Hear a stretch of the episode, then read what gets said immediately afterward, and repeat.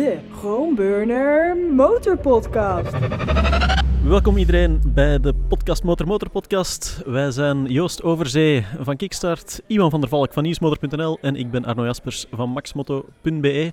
Uh, vandaag is het 1 april, uh, maar geen grap. Het is voor ons een beetje een, uh, ja, een feestdag, mogen we wel zeggen. Hè. Het is de seizoenstart zoals het dan in Nederland mooi heet. Start Your Season bij Chromeburner, onze sponsor. Uh, in België is dat gewoon de open deurdag. En uh, ik heb net gehoord dat je vandaag dus 10% korting hebt in de winkel, maar dat er ook leuke winacties zijn. Um, dat is voor onze luisteraars natuurlijk allemaal mooi te laat. Maar mooi te laat, uh, ik stel ja. voor dat ze toch even naar de Chromeburner website surfen, want ja, daar zijn sowieso altijd wel leuke dingen te winnen en uh, vooral mooie prijzen te scoren, heb ik al, uh, heb ik al gezien. Um, ik zag net ook dat je hier in de winkel uh, dan nog een rondje op Assen kan, kan playstationen, dus ik stel voor dat we ons daar misschien toch even aan wagen. Maar um, ja, belangrijker, we hebben vandaag een hoop nieuws, een hoop onderwerpen. En voor een keertje, Iwan, jij hebt nergens mee gereden, ja, maar bedankt, Joost, Joost en ja. ik, wij zijn, wel, ja. wij zijn wel op pad geweest. Um, dat terzijde. Zullen we met het nieuws beginnen? Ja. ja. Want ja. Um, het nieuws ja, was dat ik griep had en daardoor nergens mee gereden had. Ja, en de dat Joost was op het, mijn Ducati mocht. ja, ja daar gaan we het straks over hebben. Ja, precies. Nee, anyways. Uh, zullen we beginnen met een grappig nieuwtje? Ik, ik vond het heel grappig in ieder geval. Het is misschien ook omdat ik Belg ben en dat het over Nederlanders gaat. Jullie gaan met Indians rijden als onopvallende politiemotoren. Nou, uh, dat persbericht was op zichzelf al hilarisch. Uh, ja. Sorry voor degene die erachter zit, maar... Uh, het persbericht was al, ik weet hoe aanbestedingsprojecten wer uh, werken. Ja, daar moet je, ja, hebben we het hier ook al over Daar hebben we het vaak over gehad. Er zijn ongelooflijk strenge regels voor. En daar mag je vooral helemaal niks over melden. Je moet doodstil zijn. Ja. Een Yamaha, een BMW zal, al bel je ze, geven ze geen antwoord. Mm -hmm. Want het is allemaal heel gevoelig. Je mag geen enkele informatie naar buiten brengen. Het staat allemaal enorm beschreven. Ook de overheid geeft nergens antwoord op. En dan komt er een merk, Indian Motorcycle. En die brengt een persbericht uit waarin ze zeggen dat er al mee getest is. Dat ze er misschien mee gaan rijden. Ja. Dan zit er een foto van een Indian Cruiser waar een politieagent, een Ja. grote, zware politieagent Die foto heb ik ook gezien. Dat vond ik prachtig. Met want, ja, met die- een fluojas. Ja, met een fluojas. In uniformen. Ja, en dan onopvallende motorrijders. Echt, ik, serieus, toen ik het binnenkreeg heb ik er keihard om zitten lachen. Ik denk, dit is een 1 april grap. Ja. Maar het was een beetje te vroeg. Ehm, ik denk dat de politie onopvallende motoren... Nou, dan kom je, misschien neem je ook één Indian. Of je neemt ook een Harley. Of je neemt een weet ik wat allemaal. Eh, puntjes wel, je kan geen BMW eh, eh, eh, R1250 RT nemen. Want die worden te makkelijk Ja, herkend als politiemotor. Maar voor de rest... ehm, het lijkt me ik- hartstikke leuk als Indian wat motoren aan de politie verkoopt. Ik hoop dat het helemaal goed gaat komen. Ja. Maar dit was echt slapstick. Ik denk, ik denk ook eerlijk gezegd, want toen ik het bericht las, er zijn twee dingen. Je hebt het persbericht, je hebt de foto. Ja, ja. Het persbericht kan ik me eigenlijk best wel iets bij voorstellen. Als jij undercover wil, ja. zo, dan ga je op zo'n ding. Een totaal onverwachte motorfiets. Bovendien zo'n Indian, Ja. Mhm. met dat oude... Maar dan ga je er geen persbericht van sturen. Nee, want dan ja, weten ja, alle boeven het ook. Zo'n ook Indian, ik denk Ja. dat die agenten daar vreselijk veel plezier op gaan hebben. Dat ze even denken, hè, hè Ja, ja. dan ga ik ook eens even meedoen over de boulevard en zo. Nee, maar serieus, en zo'n ding Ja. rijdt gewoon supergoed. Eh, maar de foto daar, eh daarbij... ja, die denk hem helemaal af. Jezus, mina, er zat, er zat echt gewoon ook een agent, een beetje als een, als een frikandel speciaal zo, met, met die fluo-jas. Als een zoutzak op dat ding. Oh, Ja, nee, ja geweldig. Van, ja, als je Ja. nou even, even twee Ja. minuten de tijd had genomen van oké, hoe gaan we dat doen? We gaan gewoon als stoere politiemannen bij dat Ja. ding of iets dergelijks. Dan, dan kleedt het al heel anders aan dan dat je inderdaad zo'n... Ja, ik vond het ook grappig, omdat dat weten jullie misschien niet, maar in, eh, in Antwerpen hebben we dan Bart de Wever die geweldig inzet op de war Ja. on drugs en dit en dat. Eh, daar is ooit een Bearcat aangekocht. Dat is echt zo Oh, die een, hebben wij ook in een, halve, een Ja. halve tank auto. om de ja. drugsboeven te gaan pakken. Maar we hebben dus ook eh, motoragenten die dan op, ik geloof, F800 GS en 1250 GS zitten. Die zitten met z'n tweeën op de motor. Die zitten met z'n twee. tweeën op de motor, waarbij de achterste bewapend is. Dus het ziet er allemaal Oh. heel cool uit. En als eh, de foto die daar bij het persbericht gestuurd was, dat was een, eh, twee agenten, geloof ik, in doen een wheelie off-road met noppenbanden op de GS. En echt Hey, zo, America, fuck yeah, komen ze daar door, door het scherm geraast. Dat was een foto die erbij zat. Enorm cool als je dan achteraf, ik ben sowieso een politieopleiding gaan volgen, dan merk je dat ook maar gewoon mensen zijn die toevallig op de GS moeten rijden en die ja, voornamelijk denk ik verkeersinterventies eh, ook wel doen, omdat ze ongemerkt zijn op die manier. Ja, dat eh, het verkeersgedrag van mensen, eh, het rijgedrag van mensen in het verkeer toch net iets anders is dan als je in één keer gemerkte wagen in je achteruitkijkspiegel ziet. Maar ja, het contrast met Ja, de vond- Indian, Ja, de nou, fluo Indian was 1 wel- april. Ik denk dat misschien Ja. vandaag het bericht komt dat het allemaal één grote een grap grap was. was. Dat is het enige Ja. wat ik kan verzinnen. Maar ik, Eh. ik, vond, ik vind het dan ook wel weer erg stijlvol. Gewoon dus dat dan, eh, nou ja, we kennen hem, Victor van Indië. Dan denk ik van, nou, dan ga ik dat toch doen. Ja, precies. Weet je wel? Ja, en dan nou? meld ik dat Wat ook nou? gewoon. Oké, Dat kan Indië. schelen. Ja, ja. Ja, schitterend. Ja, misschien worden we vandaag op ons nummer gezet. Ja, en komt vanmiddag zou- het bericht uit dat het allemaal één Ja, grote grap was. Dat is het enige wat ik kan verzinnen. Maar ik weet ook bijvoorbeeld, ehm, ja, de lokale politie die gaat soms ook testen met andere merken. Ik weet, ja, bij verschillende dealers bij mij in de buurt, die krijgen dan wel eens agenten over de vloer van ja, je hebt een nieuwe, ik zeg maar iets, Tiger 1200, daar willen we ook eens mee testrijden. Gaan ze een test mee doen en uiteindelijk, aan het einde van de rit is het altijd hetzelfde van ja, we gaan toch voor de R1250 RT gaan, Ja, dit, dat. Dus ehm, Ja. gewoon grappig nieuwtje, afgerond. Ehm, er was ook eh, ja, heel naar nieuws eigenlijk wel, waar we het toch even kort moeten over hebben, omdat we het er in de vorige podcast eh, over gepraat hebben. Ehm, bij Royal Enfield, dat wordt in ja, een groot stuk van Europa, voornamelijk voor Frankrijk, dan gedaan door Sima. Jij was daar net gaan testrijden. Ja. Ehm, ja, we hadden, je, je was nog helemaal bezig over Fred Fourgeau, de, de voorman. Ik weet dat we nu even kort eh, teruggrijpen. Maar eh, ja, dan kregen we in één keer het, eh, het bericht binnen dat, ja, dat Fred overleden is. Jeez, ja. Ja, kwam hard in, hè?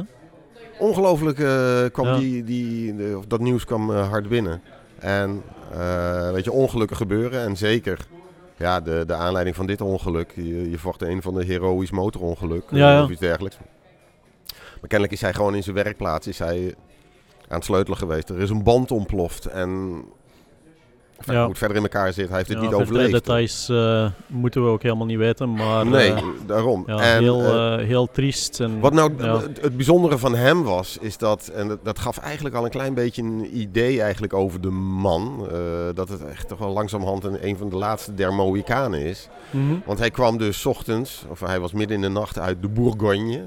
Was hij even naar Marseille gereden met zijn eh, Porsche Macan met een grote, grote sigaar in zijn Ja, altijd Gewoon midden in de nacht, gewoon omdat hij even met de journalisten wilde motorrijden. Ja, En hij wilde gewoon eens even, gewoon ook een leuk dagje hebben. Ja, En dan tussen de middag gewoon natuurlijk riant eten. En dan had hij het uitgebreid over de, Ja. de, de stakingen in Frankrijk. En de gouvernement en die Macron en zo. Merde, we- weet Ja. je wel. Dus, dus zo'n man was het. En dan twee uur eh, lunchen en gezellig en zo allemaal. Waarbij motorfietsen zelf eigenlijk helemaal niet aan bod kwamen. Maar wel een ongelooflijk bevlogen man. En explorer natuurlijk. Ja. En Ik- totale chaos altijd. Ik bedoel, alle Ja, evenementen waar die was, was het prachtig. Want dan hadden ze van alles geregeld. En dan kwam Fred, die kwam er dan Die zette de hele tent op zijn kop. Ja. ja. Ja, Jij, jij noemde hem vorige keer eh, Captain Chaos. Ja. Zo, ja, misschien een beetje onerbiedig zijn, Nee, eh, zijn bijnaam was. Maar ja. ja, hij had wel een manier om het dan toch allemaal met, eh, ja, met een kwinkslag weer, eh, weer de Absoluut erin te krijgen. Hij, hij- Ja. hij En- was, hij was in ieder geval de, de, de totale tegenpol van... Wij noemen het zelf ook wel een beetje denigrerend, terwijl wij daar ook gewoon goede kennissen tussen hebben zitten. Maar een beetje de tegenpol van de, van de spreadsheet-generatie. Ja, ja. Spreadsheet Dat- marketeers. Eh, ja, precies. En dan was hij gewoon te, tegenpol, want hij wilde het gewoon naar zijn zin hebben. En hij wilde gewoon lekker motorrijden. En hij was een onwijs slimme zakenman, dat ook. absoluut. Maar dat ja. was bij, eigenlijk bijzaak. Dat Mhm. was gewoon een prachtige kerel. Ja. Weet je. Ja, Ik ben heel benieuwd hoe ze dat eh, bij SIMA gaan opvangen. Want uiteindelijk blijft het wel een gigantisch groot bedrijf die eh, ja, import doen van verschillende motormerken. Ja. Eh, ook elektrische fietsen, et cetera, voor, ja, voor een hoop landen. Ehm, ja, de personen waar wij dan het meest mee in contact komen, dat is Motomondo in Nederland, IJsselstein. Ik denk dat voor hun ook wel een klap is. Want, Ja, want die zouden ook een beetje integreren. Ikema, Die zouden de, samen de big boss daar, Ja. die, ja, die stond natuurlijk ook op heel, heel dichte voet met, met Fred. Ehm, ja, ben benieuwd eh, om te zien welke impact eh, dat dat gaat hebben. Ik denk dat we in ieder geval ons, eh, ons medeleven wel betuigen aan, dat, dat Ja, het aan de, Jan en de voornaamste, de voornaamste impact, vind ik, omdat het altijd is als er iets slecht, als, als er slecht nieuws is, is dat je elke keer weer realiseert van, ja, je moet er toch zelf wat van gaan maken. Maar de, de Mm. pest is altijd dat je altijd slecht nieuws nodig hebt, voordat je beseft, godverdomme, het is echt allemaal, kan zo voorbij zijn. Ja, Ja. zo gaat het hè. Mhm. Zo gaat het. En eh, ja, heel cliché, maar geniet ervan. Ja, alright. Ja, ik denk dat we dan eh, dat maar even moeten afronden. Niet het fijnste nieuws, maar kijk, er was eh, gelukkig wel nog ander nieuws. Ehm, daar had ik iets over gelezen op nieuwsmotor.nl van eh, een andere CEO, eh, Ste- Stefan Pierer. Ja, dat Eh, interview de, met de Big. Boss bij, eh, ja, bij een hele hoop merken ondertussen, maar de Pierer AG is het zeker, die dan boven KTM, Husqvarna, GasGas en intussen ook een deeltje van eh MV Agusta staat. Ehm, ja, ik heb hier als lijntje staan, Pierer noemt de MV Lucky Explorer onzin. Een freak- ja, echt waar, daar had hij ook een punt. Ja, Eh, het grappige is, hij heeft een interview gedaan met Alan Cathcart. Nou, Ja. Alan Cathcart, de legendarische journalist, verkoopt dat interview aan eh, 3 miljard eh, media Ja. outlets wereldwijd. Dus overal is dat interview terug te vinden. Eh, ik heb het op de Amerikaanse site gelezen, hadden ze het in drie delen ge- geknipt. mhm. Eh, het tweede deel was inderdaad over MV Augusta. Nou, dan eh, Cathcart vraagt, wat vind je van MV Augusta? Nou, dan rolt daar gewoon moeiteloos uit, zoals Pieren altijd is. Ehm, van ja, inderdaad, hartstikke leuk. En ze moeten eh, exclusieve motoren gaan bouwen. Ja, maar wat vind je dan van die Lucky Explorers? Ja, dat moeten ze gewoon niet doen. Komt het gewoon op neer. Dat past niet bij dat merk. Hebben, hebben ze helemaal niks te zoeken. ja. Eh opzouten met dat ding. Ik was aan het denken, dat speelt natuurlijk ook wel ergens in, in Pierer zijn voordeel. Want ja, hij heeft nu, als ik het goed begrijp, 25% van de aandelen. 25,1 procent. 0,1% Ja. van de aandelen Ja. van MV gekocht. Ja, Ja, dat MV, dat is een een hele saga op zich. Hè. Als we, als we daar de laatste drie, drie podcasts over 30 maken. jaar van gaan bekijken, daar, eh, ja, met die CEO, et cetera, zwart, dat is een ander verhaal. Maar, ehm, dus, de Pierer AG koopt zich in. Ja. Die gaan het distributienetwerk voornamelijk regelen. Ik dacht dat het voornamelijk voor de VS was, maar blijkbaar de- is het in, in Europa ook al Ja. een Ik heel dacht ding. alleen VS, maar... Nou, nu is het alleen de VS, eh, dat Ja. klopt. Maar Ja. hij zegt dan ook, wij willen dat in de toekomst eh, voor de hele wereld gaan doen. Dus dat Ja. betekent ook dat bijvoorbeeld in Nederland hebben Ja. we een Belg die eh, nog net aangesteld werd door MV Ja. Dries voor de, hebben we het Dries, Dries inderdaad, Wajaert, Dries Eh, die dat zou gaan doen voor MV Augusta. Maar die stuur ik laatst een berichtje om wat te vragen over MV. En die verwijst mij al vrolijk naar Ja, KTM Nederland. Dus eh, die kant gaat het op. Nee, Eh, maar dus wat ik aan het zeggen was, is dat eh Pierer die koopt daar dan eh, zijn aandeel in. Maar tegelijkertijd merkt hij dan ook wel van, oké, ja, er is al een hele overlap tussen KTM, Husqvarna, GasGas. Eh Pierer heeft op voorhand altijd aangegeven dat hij Ducati wilde kopen, dacht Ja, ik. Of klopt. hij loopt in ieder geval warm voor dat soort Italiaanse karaktermerken. Nu is daar een stukje ehm, MV bij. Ja, dan stel ik me de vraag, wat wil hij daar nu weer in godsnaam mee gaan doen? Maar in ieder geval Ja. een Lucky Explorer. Ik kan niet zeggen dat je hem tegenover de, de adventures eh, van de Pierer groep nu moet gaan zetten. Nou, wat ik maar bijzonder het vond... past er helemaal niet bij, dat gamma. In dat artikel heb ik een eh, foto gebruikt van eh Timo Sadarov, de, de baas van Mhm. die Rus, die rijke Rus, die uit de oligarchensfeer rondom Poetin origineel Ja. komt. Maar die wel Eh, al het hele Rusland, ah ja, Russische oorlogverhaal Ja. heeft afgezworen. Ja, dat ja, ja, precies. Eh, Mhm. Die Sadarov rijdt dan een rondje op die Lucky Explorer. Nou, er zijn twee dingen uit te halen. Eén, eh, het heeft heel lang geduurd voordat dat ding er rijdend is. Ja. Twee, dat videootje is een dag later weer verdwenen. Oh ja? Meh. Ja, vreemd. Ja, Oh, dus ja? Het zou mij niet verbazen dat Pierer eh, en, en Sadarov nog even een gesprekje gaan Even hebben. En dan komt die Lucky Explorer er gewoon nooit. Misschien dat ze dan gewoon, en heeft, daar weten we ondertussen, zijn ze bij KTM niet vies van. Die brengen gewoon een Super Adventure 1290 straks in Lucky Explorer, eh, Explorer kleuren. Klaar, Ja, opgelost. ja, Lucky Ja. Explorer. Ik weet dat er ondertussen... Ik, nee, ik zal het zo zeggen. Volgens mij rijden er ondertussen weer meer nieuwe Ducati Desert Ja, ja, rond met. Lucky Explorer Ja, stickers ja, dan dat er effectief ja, Lucky ja. Explorers van, eh, van Nee, MV zijn. Ja, ja. Nee, ik, Ook- eh, Dat wordt toch mosterd na de maaltijd. absoluut. Ja, dat sowieso. Ja. Zo'n ding. Ja, want de- die, eh, die Ducati, Ducati heeft hem al, dus... eh, ja, eh, hebben Ja, ze en slim dan, gedaan. dan niet alleen. ehm, als jij denkt aan die, aan die Lucky Explorer, of als wij eraan denken, dan denk je dat iedereen zit te wachten op die, die 900 of 9,5, het grote model, eh, de echte MV die er moet zijn. ja. Maar dan hebben ze daaronder ook nog die, die 5,5 Ja, die van, de, van de eh, groep. Ja, ja, ja, Ja, what the fuck jongens, echt. Ja, nou ja, dat vind ik altijd een lastig. Want inderdaad zitten we daar in Europa helemaal niet op te wachten. Maar dat is net zoals met die Harley, die 350. Eh, dat is een Chinese frikandel die gebouwd wordt bij datzelfde Kwangyang overigens. Ja. hetzelfde bedrijf bouwt die dingen voor MV en voor Harley.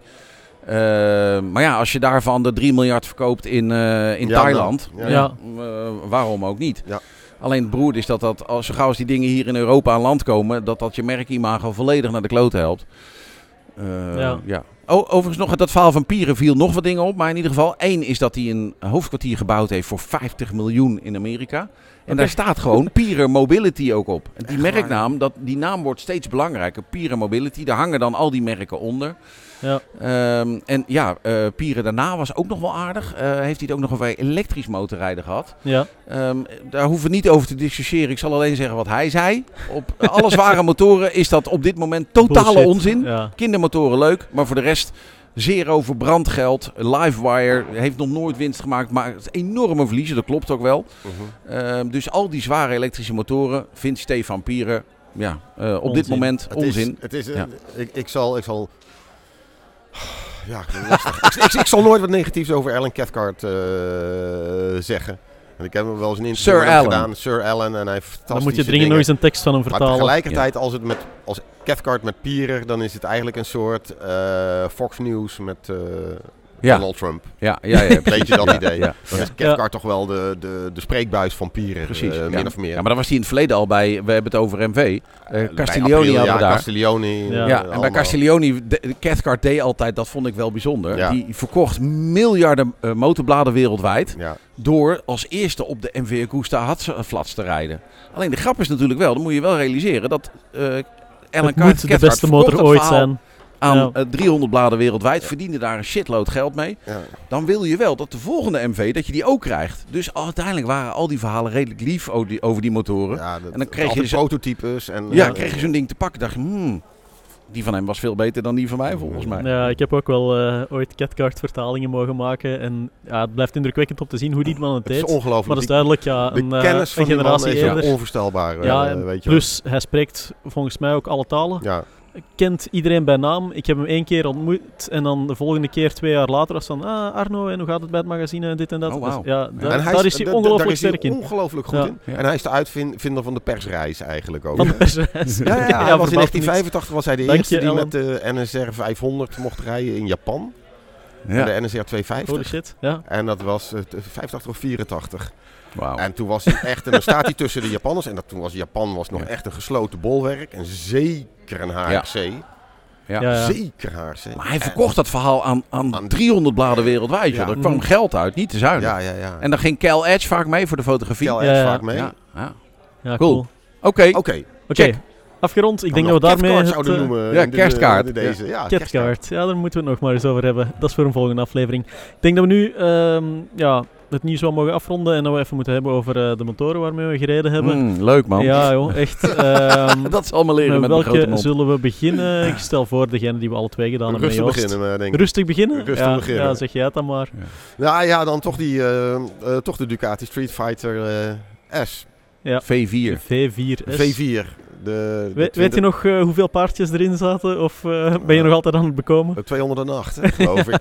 208. En, en de voorgeschiedenis is ook wel grappig eigenlijk. Want, of ja, nou, eigenlijk- leuk. Nou ja, grappig. ja, nou. Ik bedoel, I- eh, bij de vorige podcast, eh, Ivan voelde zich niet al, eh, al niet goed.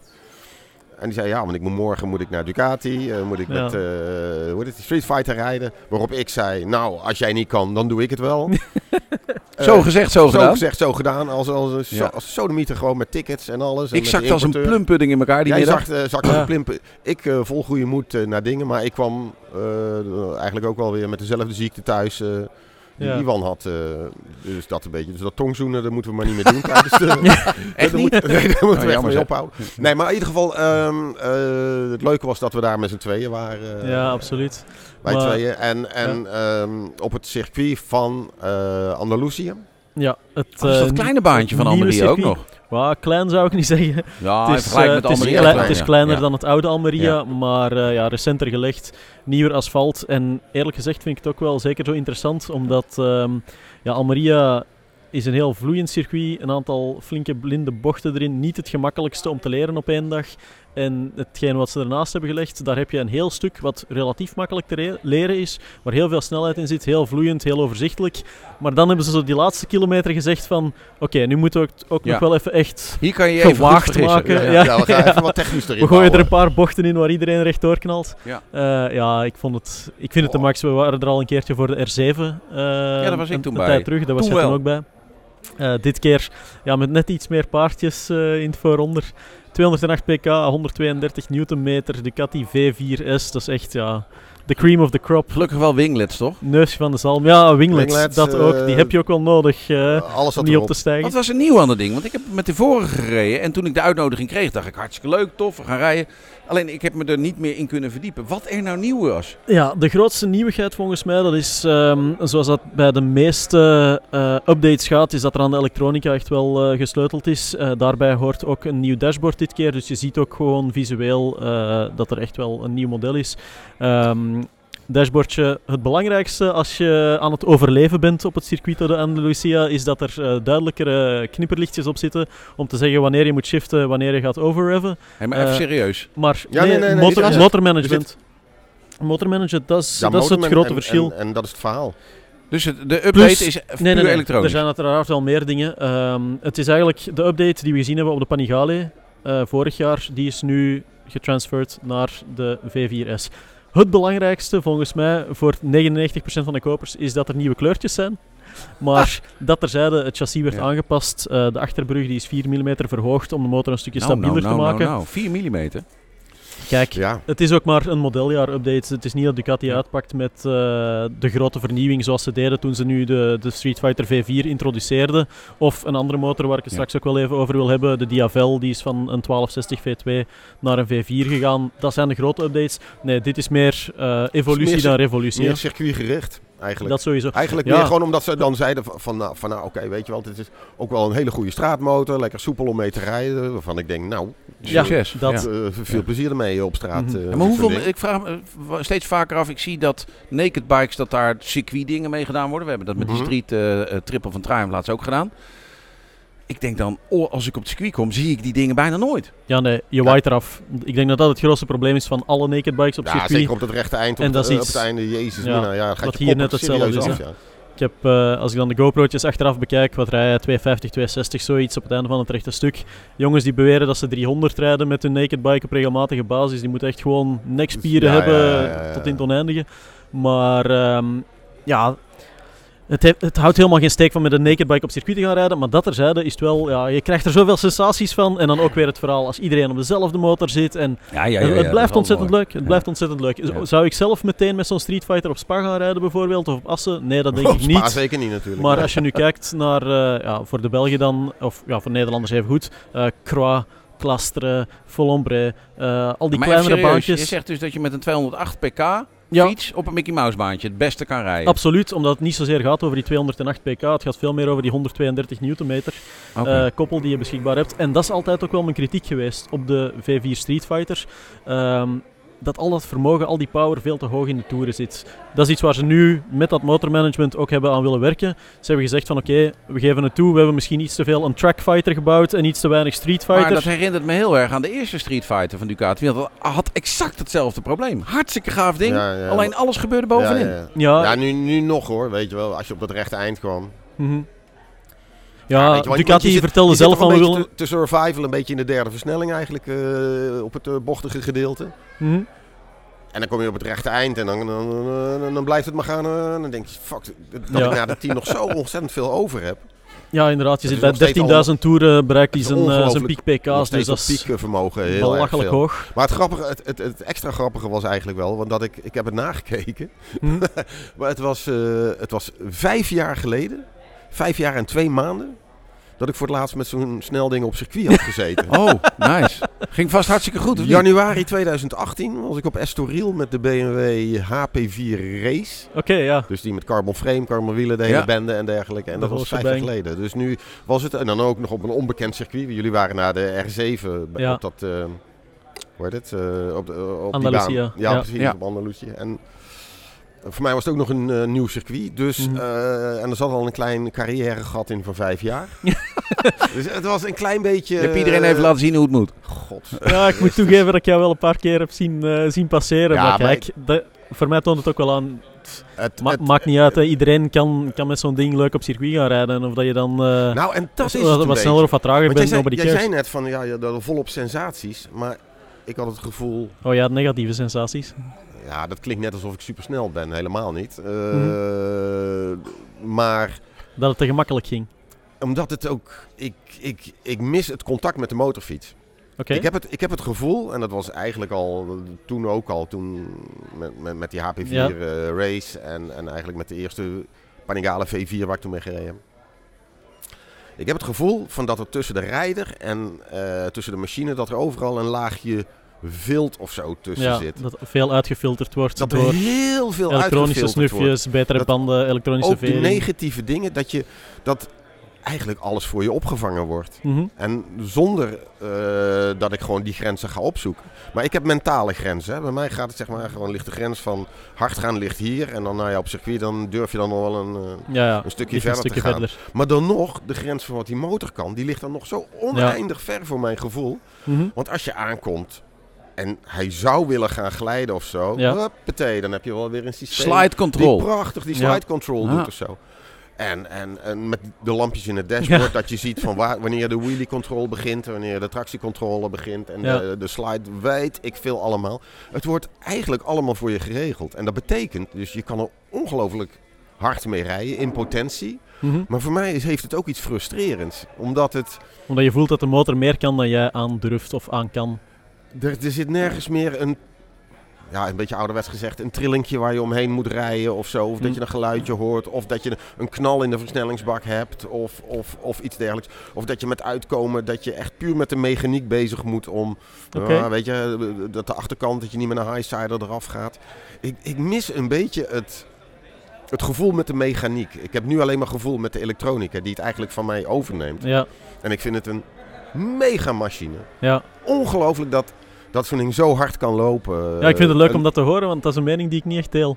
Daar, eh, ik weet dat die elektronica veel opvangt en dat ik... eh, als, ik dan, als, ik dan, als ik dan eerlijk moet zijn, bij, bij een Super Duke bijvoorbeeld ga ik dan nog veel meer hebben, omdat die echt ja, een brute V-twin onderaan, dat is veel gevaarlijker, vind ik, om Ja. jezelf te gaan overschatten dan een, eh, een V4 waar de power, en dat klinkt nu heel eh dikke nekkerig, maar dat die power er toch nog iets of wat geleidelijk in komt. Het is mega brut, hè, dat sowieso, maar je voelt wel wanneer het gaat gebeuren. En dat vond ik dan heel leuk op circuit met die V4's. Dat een naked bike is, oké, ja, dat concept, dat houdt volgens mij ook geen zin. Het is nog altijd meer een trackfighter dan een streetfighter. Ik vind het een heel bruut ding om naar te zien. En ik begrijp waarom mensen zoiets willen. Hè. Ja. Ik bedoel, het is super cool. Mag ook wel voor een motor van, eh, ik dacht 27.000 euro of net geen 27 in België. Dus het is iets super exclusiefs. Maar om dan te zeggen dat die elektronica alles opvangt, nee, dat gevoel heb ik echt niet. Er zijn verschillende momenten geweest dat ik dacht van, oké, ja, ze hebben hem stabieler proberen te maken. Maar ik dacht, dat ik daar een bocht uit, ja, dus ik kom die bocht uit. En dat hij dan toch in één keer alle kanten op wil. Ja. Ehm, ze hadden dan ook Karel Abraham eh, als, als voorrijder, wat, wat trouwens een heel sympathieke kerel is. Echt leuk, vent, leuk ja. mee Ja, samengereden. die is, eh, dat ik denk van, holy shit. tv-commentator eh, ook bij Ja, ja, die- Madrid. die Ik ben doet, naar het kleine daar aan de kom ik haven hem geweest ook trouwens eh, met hem. die, die doet ook de rondjes voor eh, Eurosport Tsjechië of zoiets zal het dan zijn. Ja, klopt. Weet ik veel. Maar echt super fijne Ja. kerel. Daarmee samenrijden was er nog een aantal eh, Duitse endurance-piloten die erbij waren. Dus echt gigantisch leuk rijden met dat ding. Maar om dan achteraf te zeggen van oké, het is nu helemaal wat ze gezegd hebben van we hebben en sportiever en meer straatvriendelijk gemaakt. Mwah. Het blijft Maar- nog altijd echt wel maar- we zijn ook fighter. niet op straat geweest met dat ding. Nee. Maar dat is Nee, weer zo. nee, inderdaad. Met, met die, met die Triumph laatst Ja. zijn we wel op straat geweest. Ja, Hadden ze alleen een route uitgekozen die net zo goed op een circuit had kunnen zijn. ja. Eh, maar dat, ik dacht, we gaan naar Almeria. Eh, ik moet mijn spullen nog pakken. Ik kijk wel even of er ook straat in zit. Maar nu begreep ik van jullie dat er geen straat in zit. Kijk, in die machine, de- de- de- er is een verschil. Hè? Wat ik net allemaal schets natuurlijk. Van dat ik het eigenlijk een beetje het, het, het rauwe, de, de rauwe Mhm. mechaniek, het contact daarmee, dat ik dat mis. Dus puur persoonlijk. Ik ook gewoon een oude zak ben natuurlijk. Weet je wel, of die, het- die, die de old school nog heeft meegemaakt. Ja, ja, jij was de Kickstarter Eh, het dus- zoeken dus- natuurlijk. Maar die machine op zich is, het, het, is verbluffend. Ja. Bizar. Het is werkelijk verbluffend dat Mhm. hij inderdaad ook in staat is om alles op te vangen. En Mhm. hoe, hoe die loopt. En ook dat je ook nooit het gevoel hebt, geen seconde het gevoel hebt van, als die mechaniek het maar houdt of zo. Wel nee hoor. Dat, ja, nee, dat, het ding trekt overal door. Ja. Werkelijk verbluffend. Ja. eh, Ik vond het ook heel jammer dat we, dat we niet op straat zijn gaan rijden. Omdat, maar eh, dan schrik je helemaal kapot. nou, ben dat weet ik niet. Maar dat- het is, het is daar dat je net wil voelt me- dat dat motorkarakter onderin, dat die laag in de toeren ook moet werken. En nu, ja, dat voel je ongeveer 10 meter als je de pitstraat uitrijdt. En dan op het einde als je terug binnenkomt en that's it. Dus op die manier, met die circuitintroducties, filteren ze er volgens mij ook wel heel veel uit. Ja. En dan merk je wel vaker dat eh, motoren waar, het, of waar ik zou verwachten dat het net heel belangrijk is om eh rijkoppel te hebben onderin, dat die romig is, dat een lineair motorkarakter heeft, om op straat leuk te kunnen rijden, die leuke acceleraties, eh, gewoon in zijn drie bochtje kunnen uitkomen. Dus je komt Dat, bocht dat uit. je dat, dat, je Ja, dat je gaat missen door altijd maar tussen de ja, 10 en de 13 op de teller, eh je mist toerenteller het naald te hangen. V2-karakter eigenlijk helemaal niet met zo'n ding, vind ik. Ja, op Mm. circuit zeker niet. Maar daar, dan vind ik zelf van die V2's. eh, daarom is bijvoorbeeld die eh Super Duke nog een van mijn favo's.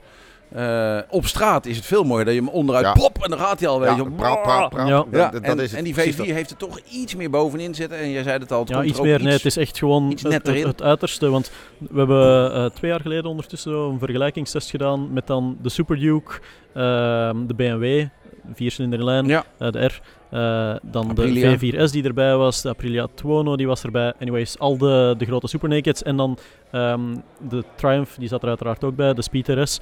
Dan komen we tot de vaststelling dat die, eh, ja, die Aprilia, dat is een klassieke V4.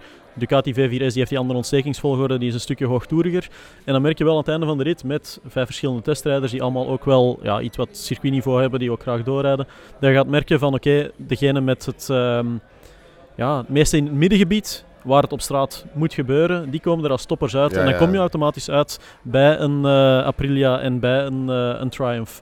En de ja, trackfighter, zal ik dan maar zeggen, die schiet er eigenlijk aan over. Maar net zo goed die Super Duke, waarvan het inderdaad, eh, ik zal het zal het zeker geen one-trick pony noemen, maar de party trick is wel dat je Zeker. op straat komt, brap, ja, en, en wheelie dat. en weg. Nou, dat het enige Dat is heel KUT cool, daarbij vind ik wel. dat Je is moet eerst stoppen om de elektronica uit te zetten. ja, dat ook weer. Hè. Uiteraard, dat- het is bij ze allemaal kloterij met de elektronica in het begin. Kickstart hadden we ook inderdaad ja. Street Fighter met die KTM. En Mhm. uiteindelijk gewoon Street Fighter, ja, zo verfijnd Mhm. en zo Ja, subliem op, op bijna alle gebieden en dergelijke. Maar ja, Mhm. kijk je in ons hart of zo, dan gaan we eigenlijk iets wat je niet kan beschrijven, maar gewoon voor het pop, pop, pop Ja. karakter van de KTM. Ja. Ja. waarom Ja. vind je die zo leuk? Ja, gewoon dat is meer van wop, wop, Ja. wop. Ja, je zal En- ook... en, oh ja, dat koppel, dat koppel van onderuit. Maar als je daar dus echt mee aan de slag gaat, ik ben ervan overtuigd dat als we de laatste keer, ik denk dat jij er toen ook bij was, hebben we daarmee gereden op Portimao. Maar als je dan met zo'n Super Duke aan de slag zou Ja. gaan op een kleiner Ja, circuitje à la Ja. Mette Croix, ik denk dat je daar lelijk, eh, of ja, daar heb ik me al verschillende keren lelijk aan mispakt. lelijk aan bezeren. Gewoon, omdat, ja, nog Ja. niet lelijk aan bezeerd, maar wel aan mispakt, omdat je daar met dat krappere werk, dat je dan met dat koppel veel secuurder gaat moeten Nee, spelen. En Ja. de elektronica vangt dat dan wel op. was op Maar Qatar, toch. hè? Waren jullie er niet bij toen? Dat was met de eerste. De eerste 1290 was ik niet bij, Nee, helaas. niet. Dat was ook wel wat op Ja. Qatar met zo'n ding. Ja, Oh, Portimao, ik was er afgelopen weekend nog op Portimao. Toen moest ik er nog aan denken. Toen lieten ze eh, bij die presentatie, lieten ze s'avonds in het donker, lieten ze Jeremy McWilliams en nog een voorrijder Ja. in het donker over Portimao rijden. Met Ja, die dingen. Chris Fillmore. Gekkigheid. Ja.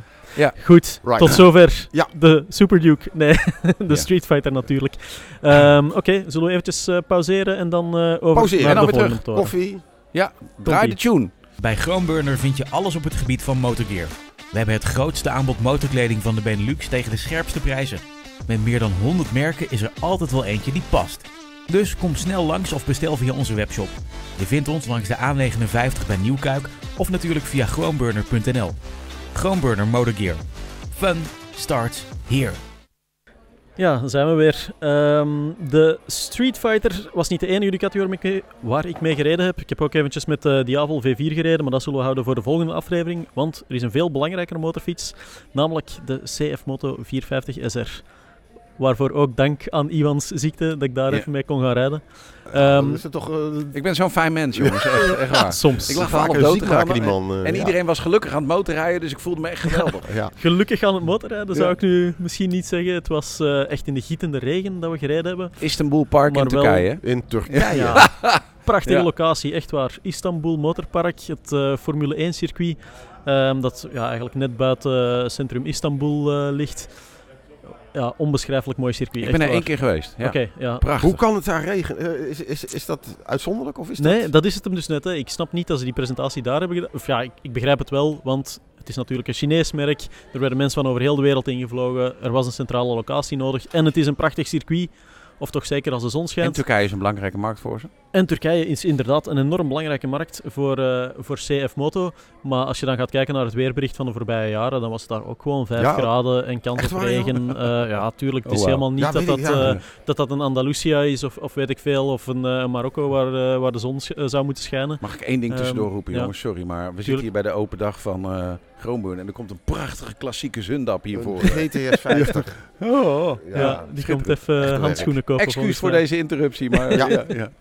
Grappig. Dus, we zaten bij de CF Moto Ja. 450 SR. Ja. Ik zal het model eh, even kort eh, schetsen. Dus je hebt een eh 450 tweecilindertje, 72 graden twin. Ik zeg Kawasaki Ninja.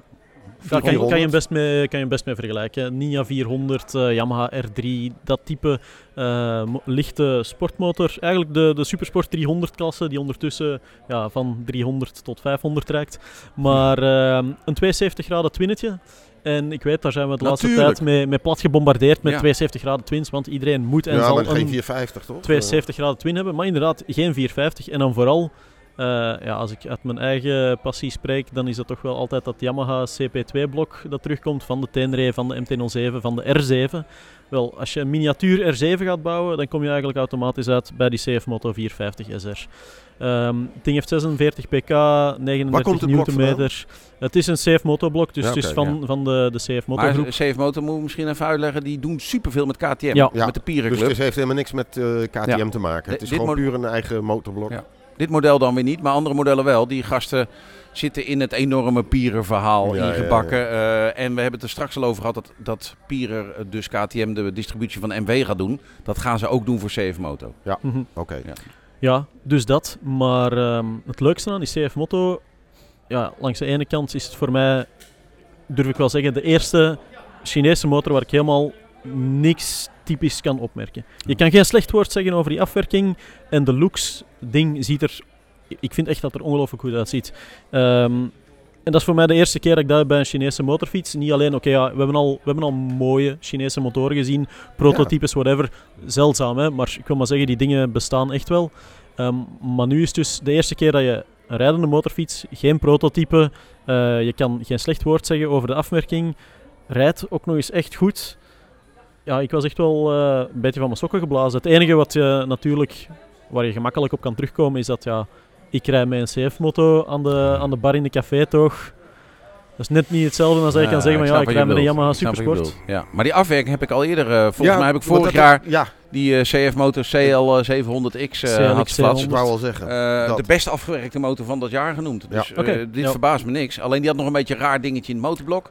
En dat had deze dan ook weer helemaal niet begrepen. Nee, nee, het is echt... eh, want we hebben dan dus één dag op circuit gereden in de gutsende regen.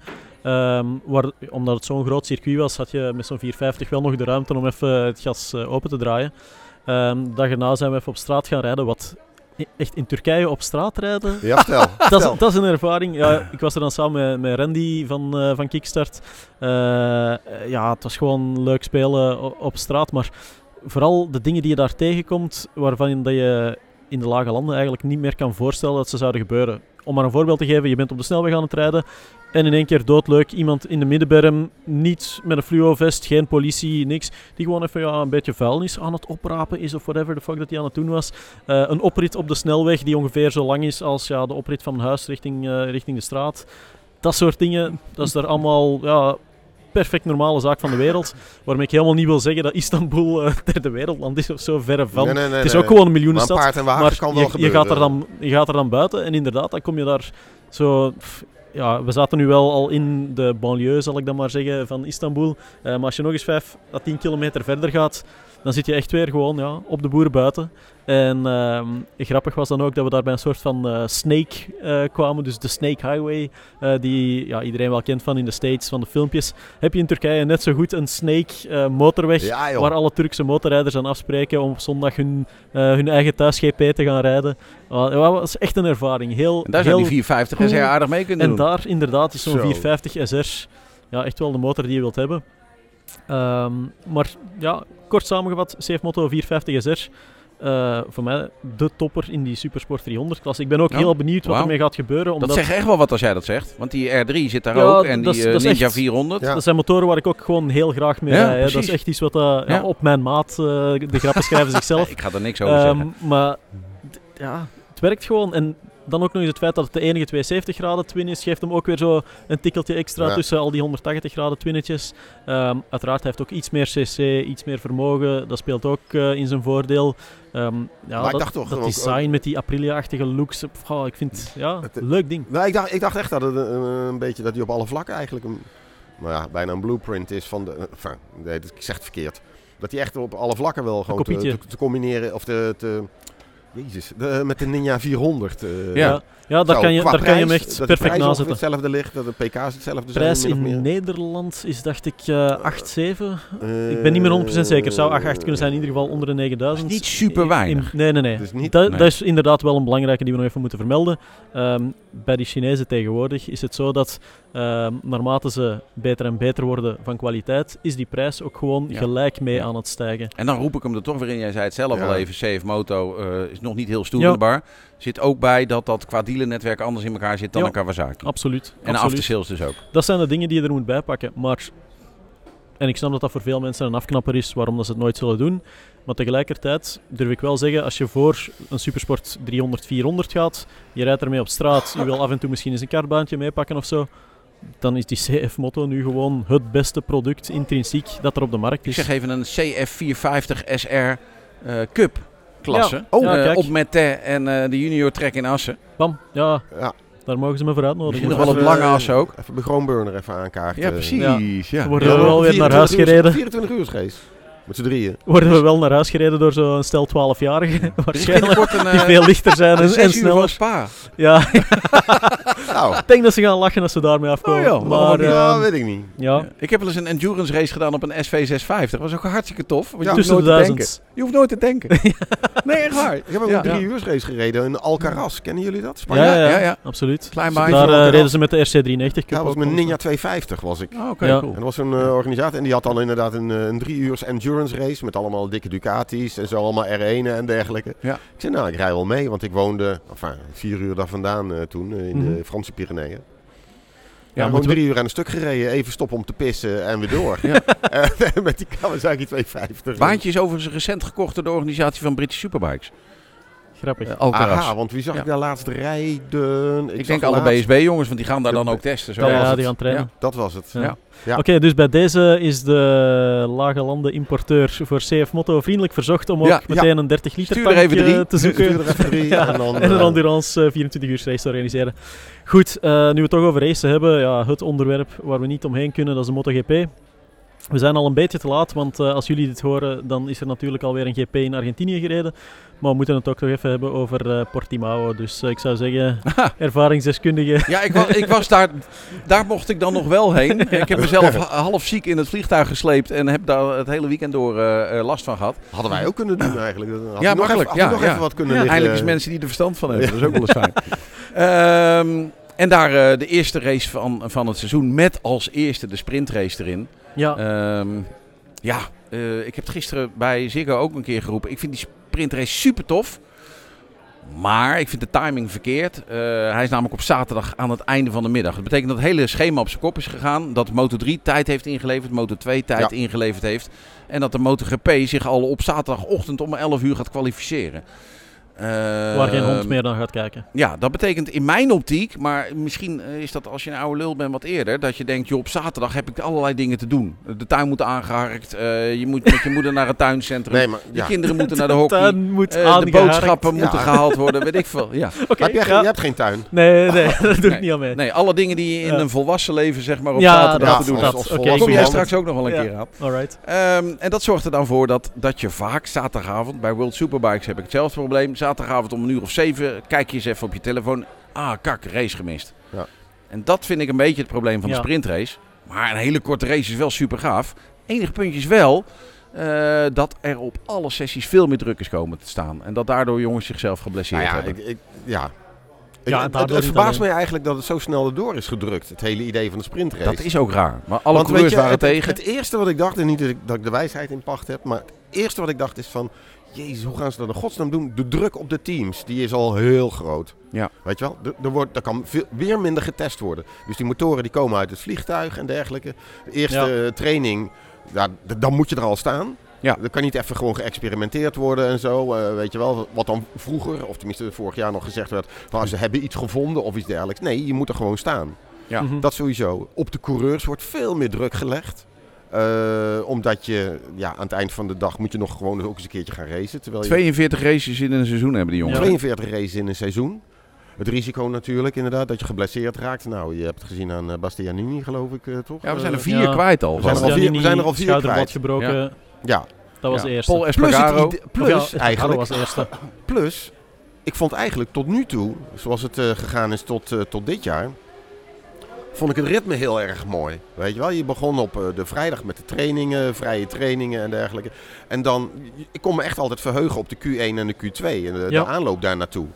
En voor mij was dat eigenlijk al een soort van zaterdagfinale, weet je wel. Q1 en Q2 Ja, ja. was fucking spannend, maar dat, dat ligt nu helemaal, wordt nu helemaal ondergestoft gegooid. door eh, die sprintrace.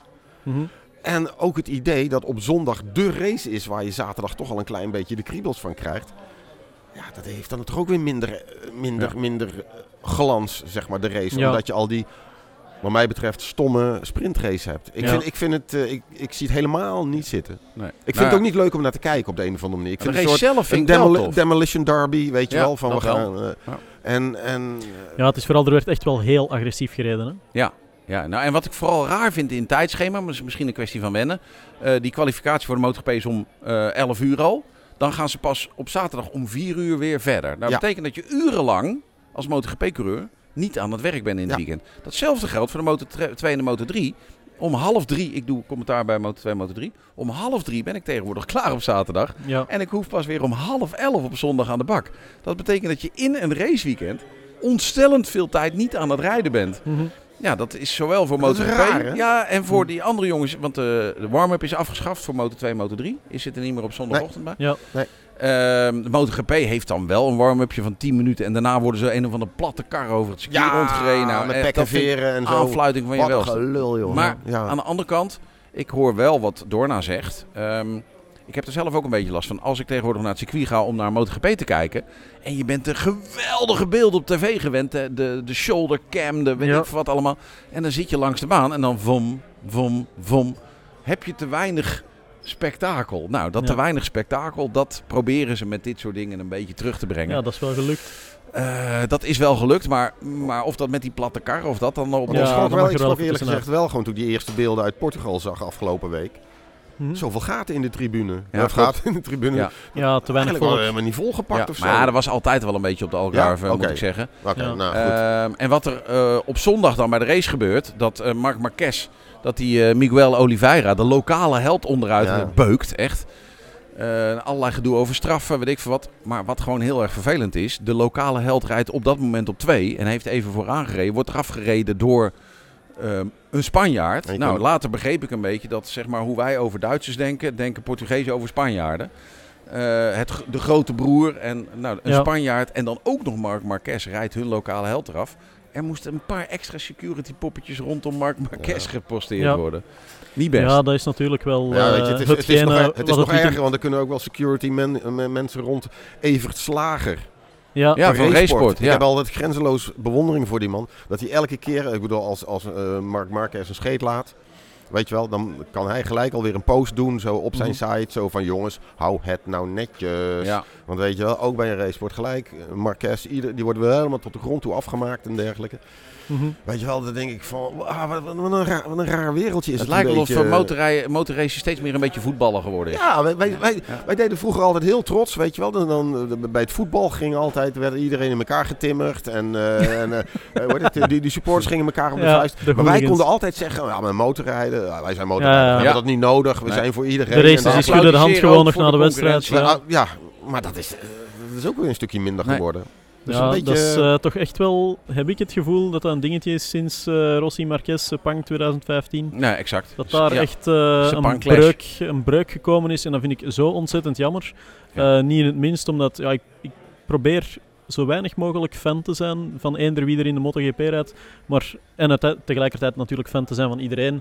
Want wat die jongens doen van de eerste tot de laatste, als je een beetje motorrijder bent en of zelf al eens een keertje op circuit rijdt, dat is onvoorstelbaar. Dat is hè. Ik zeg het nu net, eh, ik heb daar met, met Karel Abraham nog eens eh, samen gereden, die dan ook al voorbij zijn heyday is. Wat die jongens doen op motorfietsen, dat kan je je niet voorstellen. Laat staan wat een Rossi en Marquez, de twee goden van de laatste jaren, wat die jongens doen. En dat zij dan, oké, een clash hebben met elkaar, daar kan ik inkomen, want om op dat niveau te rijden moet je een beetje psychopaat, topsporter, killer moest- zijn. Ik moest er inderdaad Maar aan denken zo toen we jammer. Karel eh, Abraham hadden en zo, die toen achteraan reed en zo. En ik zat Ja. toevallig toen net onderweg hier naartoe, zat ik er nog even aan te denken. Zelfs een Anna Carrasco. Ja. Weet je, Ja. ah, pff, ah, die rijdt er achteraan. Die is dan wel wereldkampioen Rijdt stijf laatste, maar rijdt, Rijdt iedereen stijf laatste. volledig op een. Ja. die, dat is een super, super, een van de betere coureurs is dat Ja. gewoon. Ja. Niet van, van dat circus toevallig, maar de- fantastische coureur. Terwijl je al heel snel denkt, ja, joh, meid kapper is mee, weet je. wel. Ja, ja. Ik heb er ooit een rondje achter gereden op een Z125, op een Ninja 125 liever, eh, op een kartbaantje in Spanje ergens. Eh, ja, pff, dat, Ja, is niet, dat is niet te Ja. volgen hoor. Ja, hou maar Eh, op. dan Het meest kom je irritante niet in de ik buurt. Ja. Op het moment dat je denkt, nou, nu gaan we best lekker. ja, ja. Oeh, nu gaan we echt al serieus kleren hard. En dat je dan, de- nou, die jongens zitten nog net niet in checkie te rollen. Maar Ja, dan eh, gaan ze even checken of een helm wel vast zit. Ja, of dat. eh, ja, ja, een helmbandje vast. Maar Maar is het, wat, wat vinden jullie dan eigenlijk van de ongelooflijk kleine verschillen eh, in rondetijden in alle klassen. Ik denk Wat dat dat, we- ik denk dat, dat hetgeen is wat de MotoGP nu echt wel eh De top 10 rijdt typeert, binnen een en- halve seconde, ik noem Ja. maar wat. weet je wel. typeert Van- en zorgt voor de, de gevaarlijke situaties eh, die er ontstaan. Maar in is het nou leuker geworden? Nou, ik vind voor, voor raceactie... Kijk, eh, eh, toevallig... eh, mijn tijdelijke werkgever... die heeft ook iets met vierwielen. eh, doen ze wel eens wat. Dat boeit mij over het algemeen heel weinig. Omdat er heel weinig ingehaald wordt. Dat vind ik ook het probleem bij motocross bijvoorbeeld. MXGP wordt veel te weinig ingehaald. Mhm. Ik vind het altijd super gaaf dat er in MotoGP eigenlijk in alle klasses veel wordt ingehaald. Ja, in, in de MotoGP in de hoogste klasse hebben ze mekkeren daarover wel tot een soort kunst verheven. Ja, nu kunnen we niet meer inhalen. Nou, volgens mij wordt er relatief gezien nog heel veel ingehaald. En hoe dichter op elkaar, hoe meer er ingehaald wordt, hoe meer er geknokt wordt. Ja. Maar hoe gevaarlijker het er ook is, ja, dat is een lastig punt. ja, is dat zo? Ja. dat Ja, weet, ik- dat nou, weet ik dus niet. Want ja. als je nu gaat kijken, een klacht die er bij veel rijders is, dat is gekomen toch sinds de introductie van eh, de right height devices, dat er bij het uitaccelereren, uitaccelereren van de bocht geen eh, mogelijkheid meer is tot inhalen. Ja. Omdat ja, iedereen, eh, klak, die vering zakt in, het is gewoon het gas opendraaien, tractiecontrole doet en de de rest. doet de rest. En, en je bent weg. Ja. Dus er is geen mogelijkheid meer om ja, met durf, met ballen, met know-how op het gas bij het uitkomen nog mensen te gaan inhalen. En daardoor is iedereen een beetje gelijkgesteld voor de wet. En de inhaalmanoeuvres die er wel zijn, komen dan meestal ja, op de remmen door risico's te nemen, door andere li- rijlijnen te gaan opzoeken. Als je in een pack zit, wordt het allemaal ja, een stuk risicovoller. Maar ja, vroeger zagen we toch meer inhaalmanoeuvres dan nu. En waren de verschillen groter dan Ja. nu. Dus ergens in die logica. Ja, als je dat heel ver doortrekt. eh Wil Hartog kwam met eh 15 minuten voorsprong. eh, Dat- die- Nou ja, weet je, eh, zo ging dat. is ook niet, zo, eh, Ja. niet voor niks zo vaak wereldkampioen geworden natuurlijk. Want je mocht wel Mm. blij zijn als je in dezelfde ronde eindigde als, eh, Ja. Precies. als Agostini. Ja. Precies. Maar, dus dat, je, dus dichterbij, dat... dichterbij komen, dat iedereen dicht bijeen zit, het is, eh, het is leuk om te zien. Zeker dan als je echt wel fan bent van een van de, de underdogs, zal ik maar zeggen. Ik weet dat ik vroeger één rijder waar ik altijd enorm fan van was, dat is Cal Crutchlow. Omdat hij ook gewoon, ja, als ze die interviewde, die had echt iets te ja, zeggen. tekst. Ja, Die, tekst. ja, die had, die had zijn tekstjes Ja. eh, ingestudeerd of niet, dat weet ik niet. Maar het was niet, eh, ja, yeah, unfortunately, I push the front, I lose the front, eh, dit, dat. Ehm, of, of bij die Spanjaarden die dan ook moeilijk uit de voeten kunnen in het Engels. Nee, Kel die ging even zeggen van oké, hier staat het op. Ja. Tegelijkertijd, ja, die, die ging nooit de grote GP-winnaar zijn, maar was iemand waarvoor ik supporterde. En nu kijk je naar de B-teams, de niet-fabrieksteams. Ja, die, die jongens die rijden echt wel mee vooraan. Die zijn Ja, er om ja. te knokken. Maar En vanaf de seconde dat een van de fabrieksrijders de aandacht verliest, dan staat er vijf man klaar om het het is wel dat wij dat tof vinden, omdat we er best diep in zitten. Alleen voor het kampioenschap is het lastig. Ik bedoel, eh, als eh Aleix Espargaro een race wint op een Aprilia, denken we allemaal, wow, vet, Ja. die kunnen ook gewoon meedoen. Het punt is alleen, de mensen die oppervlakkig motorsport volgen, die kennen Marc Marquez, die kennen, kenden Valentino Rossi. Ja. En daar stopt En het. op het moment dat die er niet meer bij zitten op het podium, denken ze, ja, waar Hm. wie, wie, wie zijn dit dan? Dat is wel een probleem. Ja, en het is daarom dat ik dat ook zo jammer vind. Dat ehm, hetgene wat, eh, wat Jack Miller trouwens eh, nog in de pers zei. En dat is Ja. nu ook misschien een heel cliché. En ik weet dat veel mensen me daarvoor gaan afschieten. Maar die zei ook van ja, kijk, dit incident dat wordt nu zo uitvergroot. Omdat het ook weer Marc Marquez is. En Marc Waar. Marquez, laten we er waar. eerlijk over zijn. Ja. Dat is momenteel ja, de enigste zoveelvoudige winnaar. Eh, de enige met zo'n palmares in die sport. En ik heb ook dan het gevoel dat die andere jongens, eh, als een Quartararo, als een Bagnaia, waar ik oneindig veel respect voor heb voor wat ze doen. Ja. Maar ja, ze komen toch wel een beetje over Maar daarom is het, snotwapen, Jack. Miller is inderdaad wat, wat, wat, wat eh, Kel Crutchlow toen voor jou was. Ja, Dus Jack Miller voor mij eh ja kijk, dat is ook weer Jack zo'n leuke Jack Miller- die iets te zeggen Jack heeft. hè. Miller en Brad Ja. Binder, weet je. In Portugal ook gewoon werkelijk krankzinnig natuurlijk. Ja, Ik betrap me er wel een klein beetje op dat alles wat een beetje die Ducati-trein kan eh, doorbreken... daar begin ik toch langzamerhand wel extra sympathie voor te krijgen, Ja. moet ik eerlijk Ja, zeggen. ja, dan krijg je de underdog. Want er zijn nu acht van die Ducatis op de grid. Ja, dat bedoel Eh, ik. En die doen het ook nog wel eens En in trainingen zo nu dan dat ze de eerste acht plekken hebben. En Ja. ik maak me ernstige zorgen, eh, echt ernstige zorgen over Yamaha. ja. Zeker, eh, ik bedoel, Weet je- Suzuki is er natuurlijk al mee... eh Nee, Exact gekapt. dat. Exact, Suzuki is ermee opgehouden. exact dat. op het En- moment dat ze aan het en winnen waren. Tot überhaupt. grote verbijstering van iedereen. Maar langzamerhand begint het kwartje een beetje bij mij te vallen. Dat ik denk van ja, maar goed, ik bedoel, een, een Quartararo, ja, was tiende in Portugal geloof ik. En, en, en die is nu vijftiende de- in de trainingen. Mhm. En Yamaha gaat misschien ook wel denken, ja, dikke lul met je eh, eh, Ducati, eh hoe heet het? En voor Honda Dorna dingen. Honda ook natuurlijk, Ja. want ze hebben Ja. Mark Marquez en voor de rest niemand. Ja, dat vind ik ook zo grappig, want we zaten dan op die, die Street Fighter te praten met eh, Alessandro Valia, een van de testrijders Mhm. bij Ducati, die ook nauw samenwerkt met de jongens van Ducati Corse en een ontwikkelingsteams en een Piro, eh, de testrijder bij Ducati MotoGP. En eh, ja, ik vond het ook zo mooi Nederlands van jou, dat jij toen vroeg van, ja, wat kost dat nu? Hoeveel geld geven jullie nu uit aan, aan die MotoGP? Eh, om en bij de 30 miljoen, daar gaat het om, wat ze investeren. Daarmee zetten ze acht motoren op de grid. Dan denk ik toch ook van, come on, Yamaha, Honda, eh, wereldleiders die verkopen in China alleen al meer motoren dan, dan Ducati wereldwijd doet.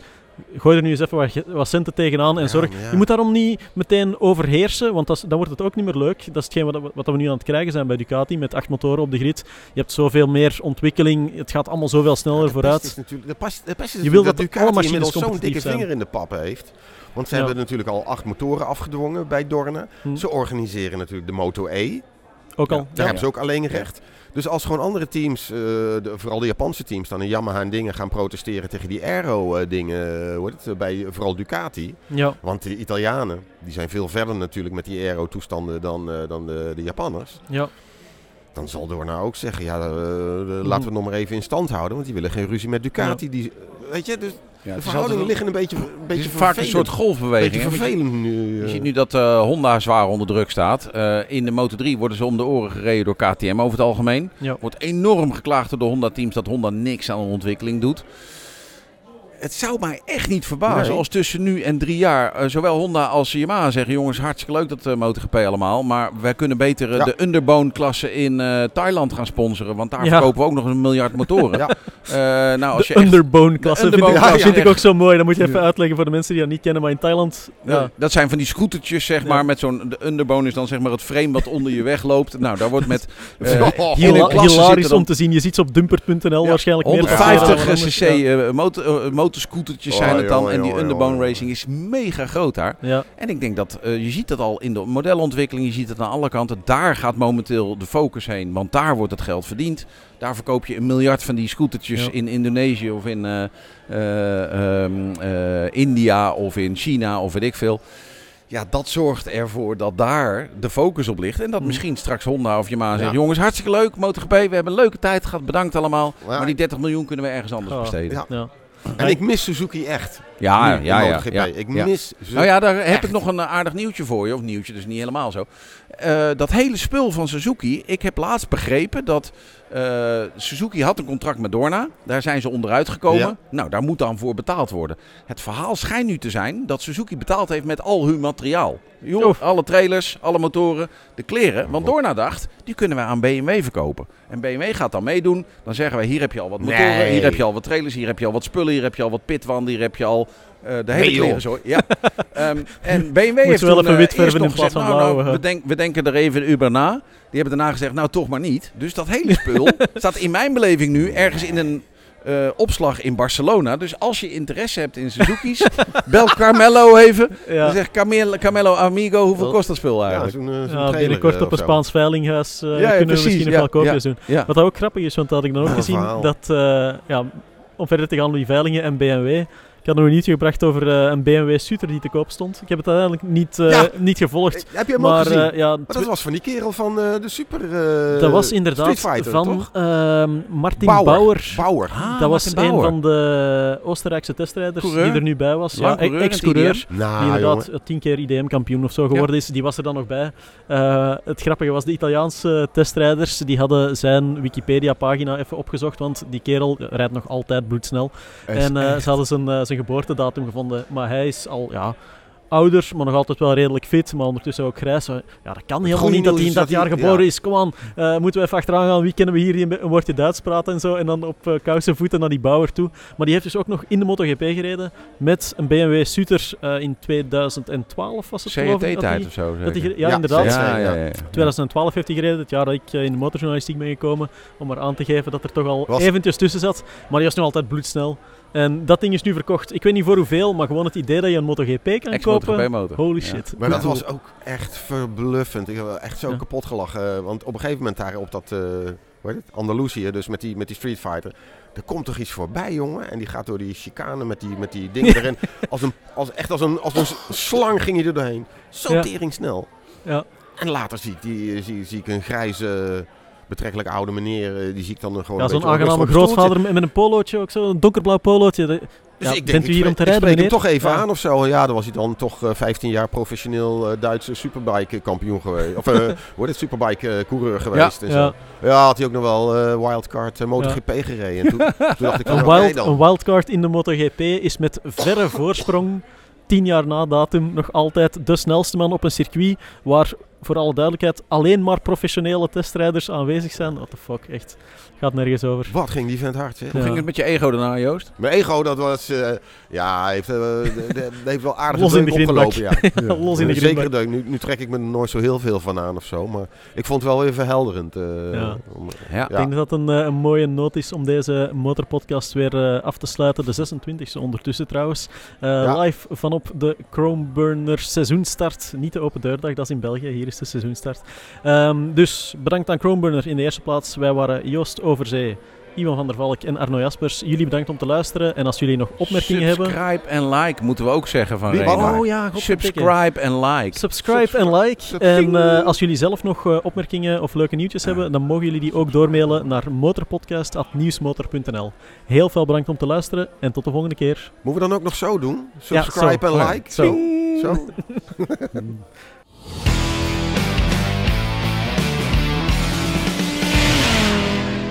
Dit was de Groenburner Motorpodcast.